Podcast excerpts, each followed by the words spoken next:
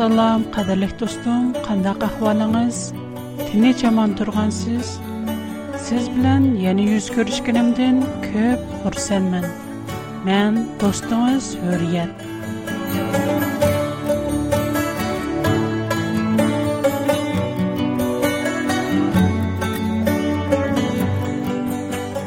Shu tapdi men o'tgan bir haftaning shuncha tez o'tib ketganligini o'ylab, mosha nihoyatki chaklik ekanligini his qilmoqdaman sizchu do'stim siz qandoq o'ylaysiz o'lim to'g'riliq o'ylasangiz tiningiz tikalishandi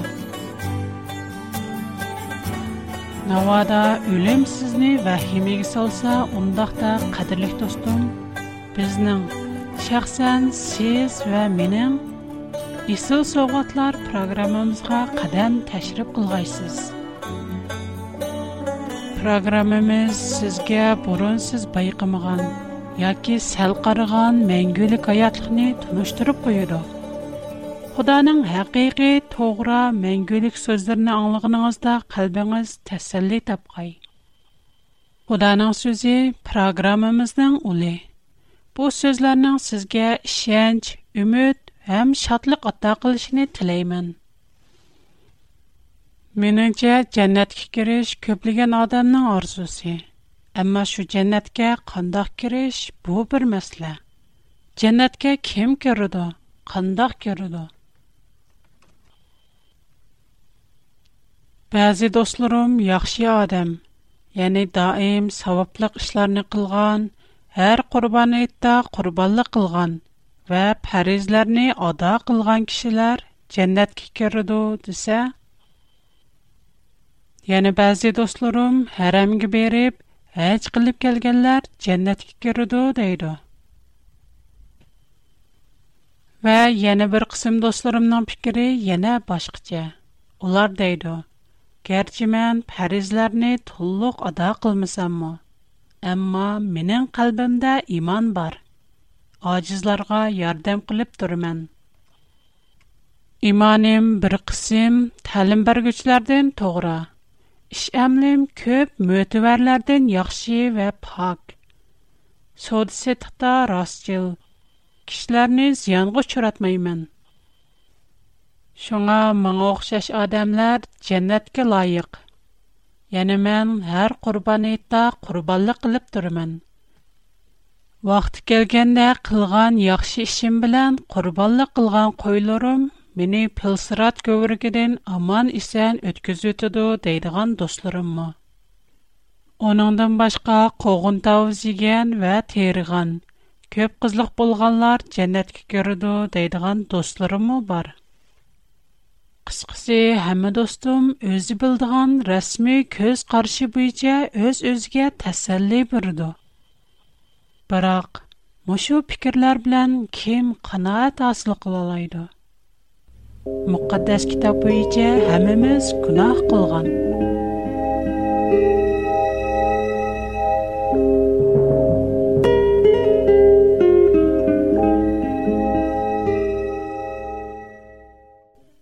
Bir qatil odam o'ltirgandan keyin bir umr yaxshi ish qilsa, өткізген күнахиның орныны толдырып, үлген адамны терілдір әләнді.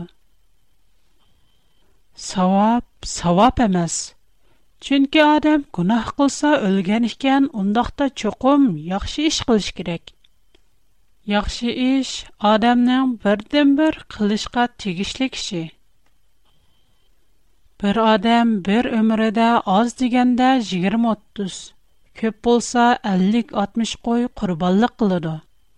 Пыл сират көвіргіден зади қайс қойни минип өтш керек. Қайси қой, исылзаде адамден қыммет рек, кунахимізді көтіршке әрзиду. Әсірлер біри үлтүрілген қойлар, сіз кунахкар, адаласыз деп әскерт ватуду. qaysimiz öz savabimiz, қылған ajrimizdan qanoat hasil qilolarmiz Burun yoqub payg'ambar bizga o'xshash qorxunuc va ümidsizlik içində оныңға Xuda onunğa cənnətə бір bir yo'lni ko'rsatib Бүгін bugunmi Худа bizni гуманда yolg'iz ташлап қойғаны yo'q. Худа өзінің мұқаддас kitoblarida біз интизар болған, amma тәмтіреп тапалмай yurgan Әқиқи jannat үліні Аллақа жан ашқар леді.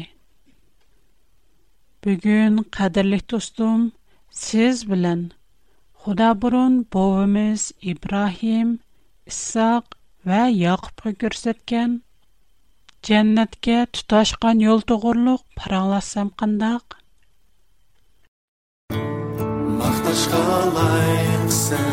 İsa Uluklayın biz pak namını Sen digen ruha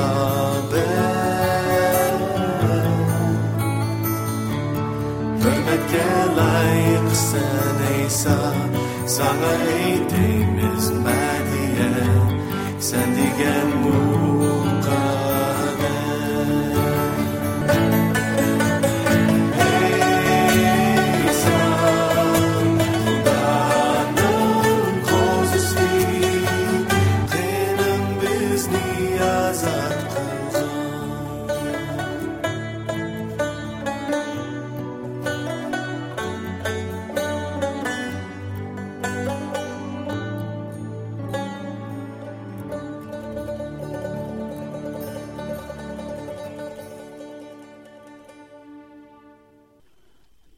Dostum, siz burun Baytel, Baytul Muqaddas deb anglab baqqanmi? Baytelning ma'nosini, tarixini bilamsiz. Navada Xudoning muqaddas so'zi Tavrat olamning yaratilishi 27-28 bobni ko'rsak, siz qiziqadigan bu masalalarga javob topa olamiz. Onunda mundaq yozilgan: амма Исо болса адси уныңы қылған дуа хайрының сабабидын Якубға адавет қылдыған болды. Шондахка Исо өз көңады, атамның матәм көлөри яқыл шип қылып дур. Киын мэн бір түкүнім Якубны өлтүр витар мэн даб хял қылды. Лекин Рабакаға чон оғли Исоның бұ сөзлернің хавыр яткенда, u o'z kichik o'g'li yaqubni qishqirtib uningga aytdiki mana bir tuqqaning iso seni o'ldirishning niyati bilan o'ziga tasalli biradir Ey o'g'lim so'zimga quloq selib qopib haronga bir tuqqanim labanning qishida turib bir tuqqaningning ochig'idan yenib uning o'ziga qilg'iningni untug'uchilik بر نهچ گن آن دا ترب درگن. آن دنکین من کسی ابردیب алдырып اویردن آلدروب کلر من. نمیشون بر گنده اشکن از لردن مخرم قلای دیده. او وقت اسحاق یعقوب نقش کردیب اوننگا دعا خیر قلب. قادر مطلق Сене аутуп, толу кавим сенден чықадек сене қолдадип. Ибрахимның баркетини саңа ва сенен билан нәсленге баргай. Шондахке Худа Ибрахимға біріп, өзің мусафир болып дурған бу юртни мұрас алғайсен, диди. Шонадап Исақ Якубни йолғы салды. Якуб болса ба харшибаден чықип, Аран тарапиге меңіп, бір ерге етіп келгенде күн петіп кеткеч, анда қонмақчы болып, андыки ташлардын бір ташны іліп, бешінің астығы құйып, онда ұқылғылы ятты. У өз түшілі көрсе, мана, ұчи османғы еткен бір шута ерді тіклініп, Худаның пәріштелері оныңден чықып, түшіп тұрар емеш. Мана, худа оның онын төпсі түріп, сөз қилип. Мен болсам, оттан Ибрахимның таңрысы білен, Исахның таңрысы бұлған, худа вэнде дүрмін. Мен үзім, сен yatған bu yurtni, Senn bilen avladin qa birur min. Neslin bolsa, yarnin tupri qidek tulu bulup, Senn үzün bilen meşrik qa. bilen Сән белән нәсләңнең вастысы белән ярдыки барча қабилелер мубарәклік тапар. Мәне мән сән белән болып, қайырғы барсаң, сені Бу бұй үртқа сені яндырып келіп, саңа айтқан сөзімні пүткізімігі челік, сені ташламас мән, дәп тұрған емеш. Андын Яқып ойғынып, бешік, Худа вендә бу ярды дур. Ләкин мен белмәгән икән мен.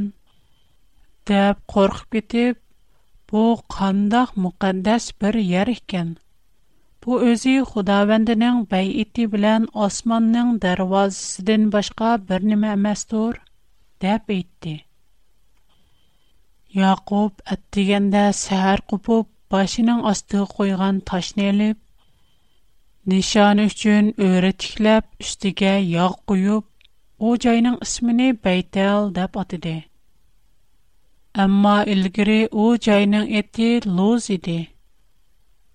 Andın Yaqub bir vədə qılıb, Agar xuda minən bilən bulub, bu səpirimdə mini saxlab, yigili nan, kigili igin birib durub, Мен атамның үйге саламәтлек белән енеп барсам, Худа вәндә минең тәңрим булып. Мен нишан өчен тикләп куйган бу ташның үзе Худа вәндәнең бәй ите булсын. Сән маңа бердіған нәрсләрнең өшірісіне саңа беріп дурай, деді. Жәннәт әхлі болғың келсәң, do'zaxdin qutulg'um kelsa xudodin kechirim ilib mangu hayotdor bo'lg'um kelsa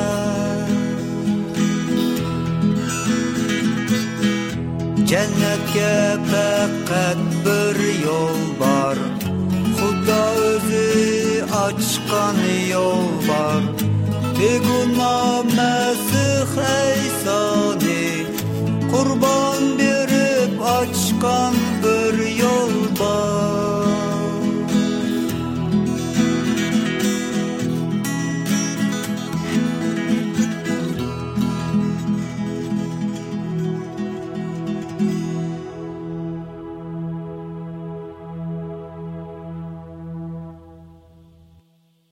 Qadirlik dostum, yuqorda mən müqəddəs kitab Tavrat, aləmnin yaradılışı 27-28-ci bablarını oxub çıxdım.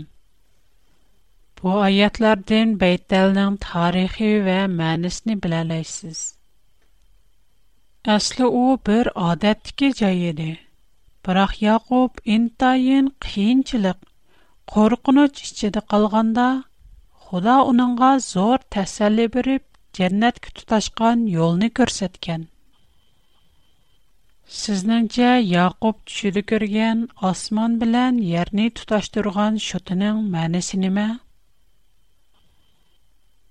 muqaddas kitob injilni o'qisak yohanna bayon qilgan xush xabar 1 bob 51 oyatda ayso bu shuti to'g'riliq javob berib mundoq deydi Darhaqiqat, darhaqiqat sizlarga aytirman. Bundan keyin osmonning echilganini va Xudoning farishtalari ibnol insonning ustiga nozil bo'lib chiqadiganligini ko'rarsizlar. Mushu oyatda u davatgan osmon echilib, Xudoning farishtalarining osmondan o'zining ustiga chiqib tushishi Яқып көрген османығы тұташқан шүті білән дәл оқшаш. Навада әмімізге тұнышлық болған Яхия пейғамбарның Әйса тоғырыстығы гуалықыны көріп бақсақ. Омо Инжил, Юханна баян қылған қош хабар. Бірінші бап 33-аятта гуахлақ біріп. Мән рухның асмандан кәптәрдәк назил булып, уның үстедә тохтыганын күрдем. Дәп әмәлияттә Яқуб күргән асманга тақашкан шөтүнең дәл Айса икәнлегене испатлаган. Шуңа Яқуб шүди күргән асманның эчилеп, фәришләрнең чыгып төшүше безгә әриш вә йер. Худа белән инсан һәм дәннәтне туташтырдыган мөхәддәс шундыйла гайыбы бер шутының барлыгын вәхи кылган. Шундыйла мошу бишараттыки шутының роли оқып беткән аяттыкедәк осман белән зиминне туташтыруш. У бер интайин мөхәддәс шуты булып, гунахкар инсанны Худа белән туташтырды. Шундайла бу бишарат Айсаның келеше белән тәмамланды. Инҗил Йоханна баян кылган хуш 14нче баб 6нче аятта Айса Йол, хакыйкат ва хаятлык мен үземдермен. Менин вастан берлә булмаса, һеч ким Худога килә алмас, дейди. Бу интайн мөһим. Әйсаның ролі Әйса өзі. Яқуб, Яхия ва Ибрахим, Муса қатарлық башқа барлық пейғамбарлар айтқандек, Худа білән инсанлар отырысыдыки тұташтырғычы шута. Мәңгілік хаятлықның вастичісі. Яны біз бай оқып өткен Яқубның екайсі дә мұндақ бір назу қалқы бар. О Босмы Худай Якубга Сән белән нәселеннең васити белән йәрдәки барча қабелеләр бәхет тапар, дип фәрдә бергән. Муш йәрдә Худай Якубга өзи Ибраһимга кылган огышә шәһәдәне текрарлап Якубның авлоды аркылы барча милләтләргә бәхет бармакчы. Адам үчүн жәннәттен артык яна кандак бәхет бар. Айса қан гөш тине буенча Якупның һәм Ибраимның авлады. Ва у Инҗил Юханна баян кылган хуш хәбәр 6нчы баб 44нчы аятта. Мине әбәрткән Худа үзе таткан кешедән башка һеч бере моңа келмәс вә мән уни ахырх күні тирылдырып қупырар мән. Дэб, өзінің дэл хамми милатларге бақыт баргучи ашу аулач келгіне айтқан. Чөнкі о, өзгі шенген таипларни тирылдырмәхчі. Башқы бір амаз, мяқат о тирылдырмәхчі.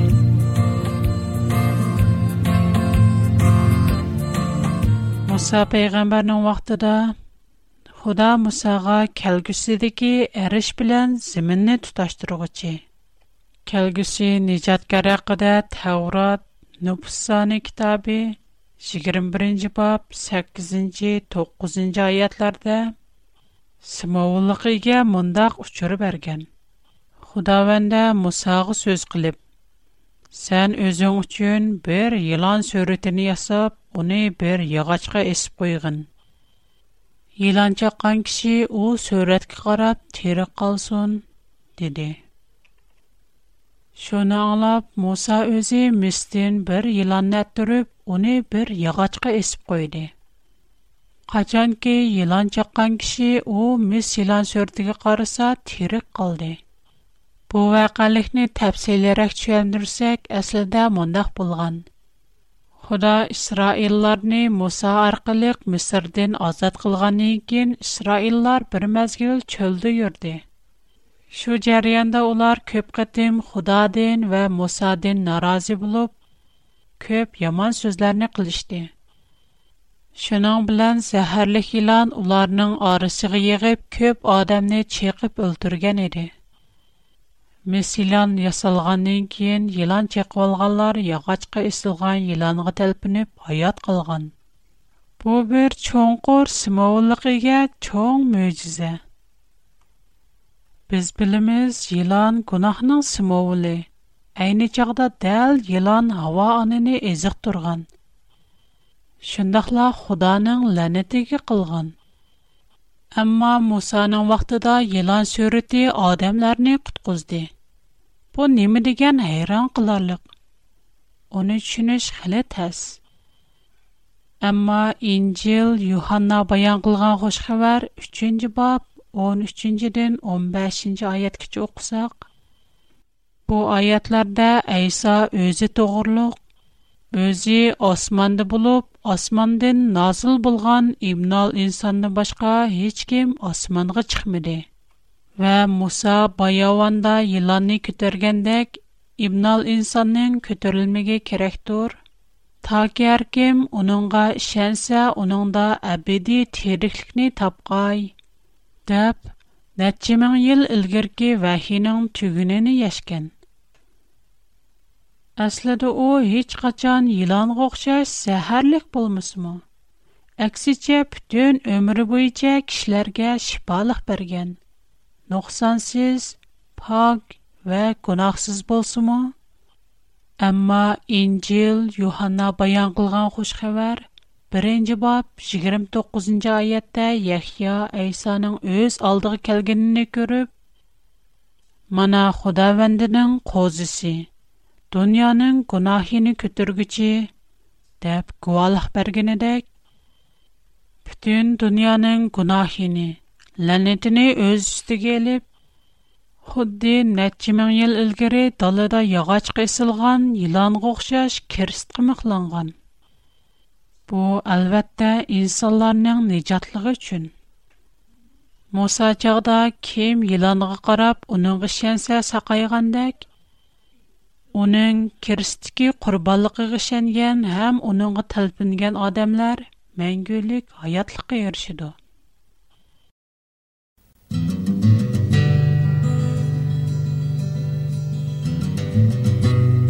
Қадірлік достым, мәндә бүгінгі программадан башқа яна Худа, мәңгілік аят, жәннәт, тозақ, өлім, етіқат, пейғамбар қатарлық көп программа бар.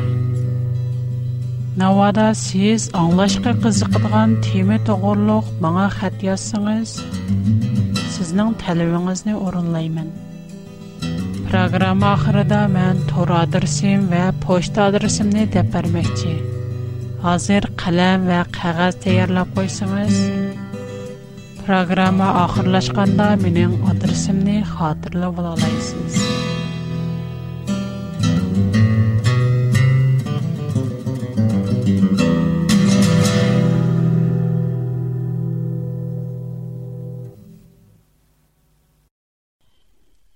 мәңгүлек hayatlıq demək cənnət deməkdir.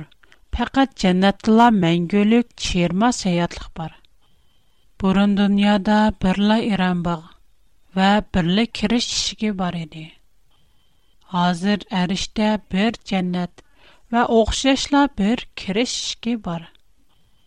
Xuddi яқып бүрген әрішке тұташқан шөтедек, faqat va faqat бірлі yo'l arishga тұтышыды. Yana başqa yol yox. Navada köpçülük dostlarının könlü üçün qiyamətdə pılsırat görürgü bar degen taqdırdı mı? Bütün alem boyuca pılsırat görürgüden minib ötüşki layıq kildiğen bir baha birla qorbalı qozu bar. O dəl Yaqubnun çüdiki əriş İbrahim oğlu İshak орнында qurbanlıq qılğan ən çoğ qurbanlıq və bütün dünyanın günahını kötürgüçi Xudanın qurbanlıq qozisi İsa. Gerçi onun aldıda bütün alem və milyonluğan qoylar qatdi ərzimismu. Amma Xuda tərpidin Yaqub və bütün insanlarga körüstülgən ərişütsi bibaha qurbanlıq qoza öz razılığı bilan əriş və zəminni tutaşdırdı. Şoazir öz əjrimiz bilan emas, bəlkə Xudanın əjri bilan cənnətə maqdığan, cənnətə tutuşidığan o dol yol var. Bilmədim, qadirli dostum, şu tapda siz nə oylayatsız? Amma men... Sizning Xudoning bu haqiqiy to'g'ri so'zlarga tayinishingizni haqiqatan bak umid qilaman. Navoda sizning bu to'g'riliq yoki boshqa har qandaq ish to'g'riliq ikkilanish savollaringiz bo'lsa, menga xat yozsangiz, men xushallik bilan har bir savollaringizga astoydil javob qaytaraman. Бүгін кәч сіз білән жәннәткә тұташқан ел тұғырлық паралышып, көп құрсан болдым. Бүгінгі программамыз мұшиятта аяқлашды. Әгер маңа қат езішіне қалысыңыз, менің тұр адырсым. Үрият әт bigfoot.com Қайты тәкрарлай. bigfoot.com Mundaq yazıldı. H U R I Y E T Çember içinde E B I G F O O T Chiquit C O M Mana bu minin tora dirsim. Minin xata dirsim birinci W R Bunlar çoğun yazıldı. İkinci qurga Çoğun P Chiquit 총 о, чикет. Чонг би, кичик о, кичик екез. Пшыз он. Астан хура. Чонг о, кичик эн, кичик три.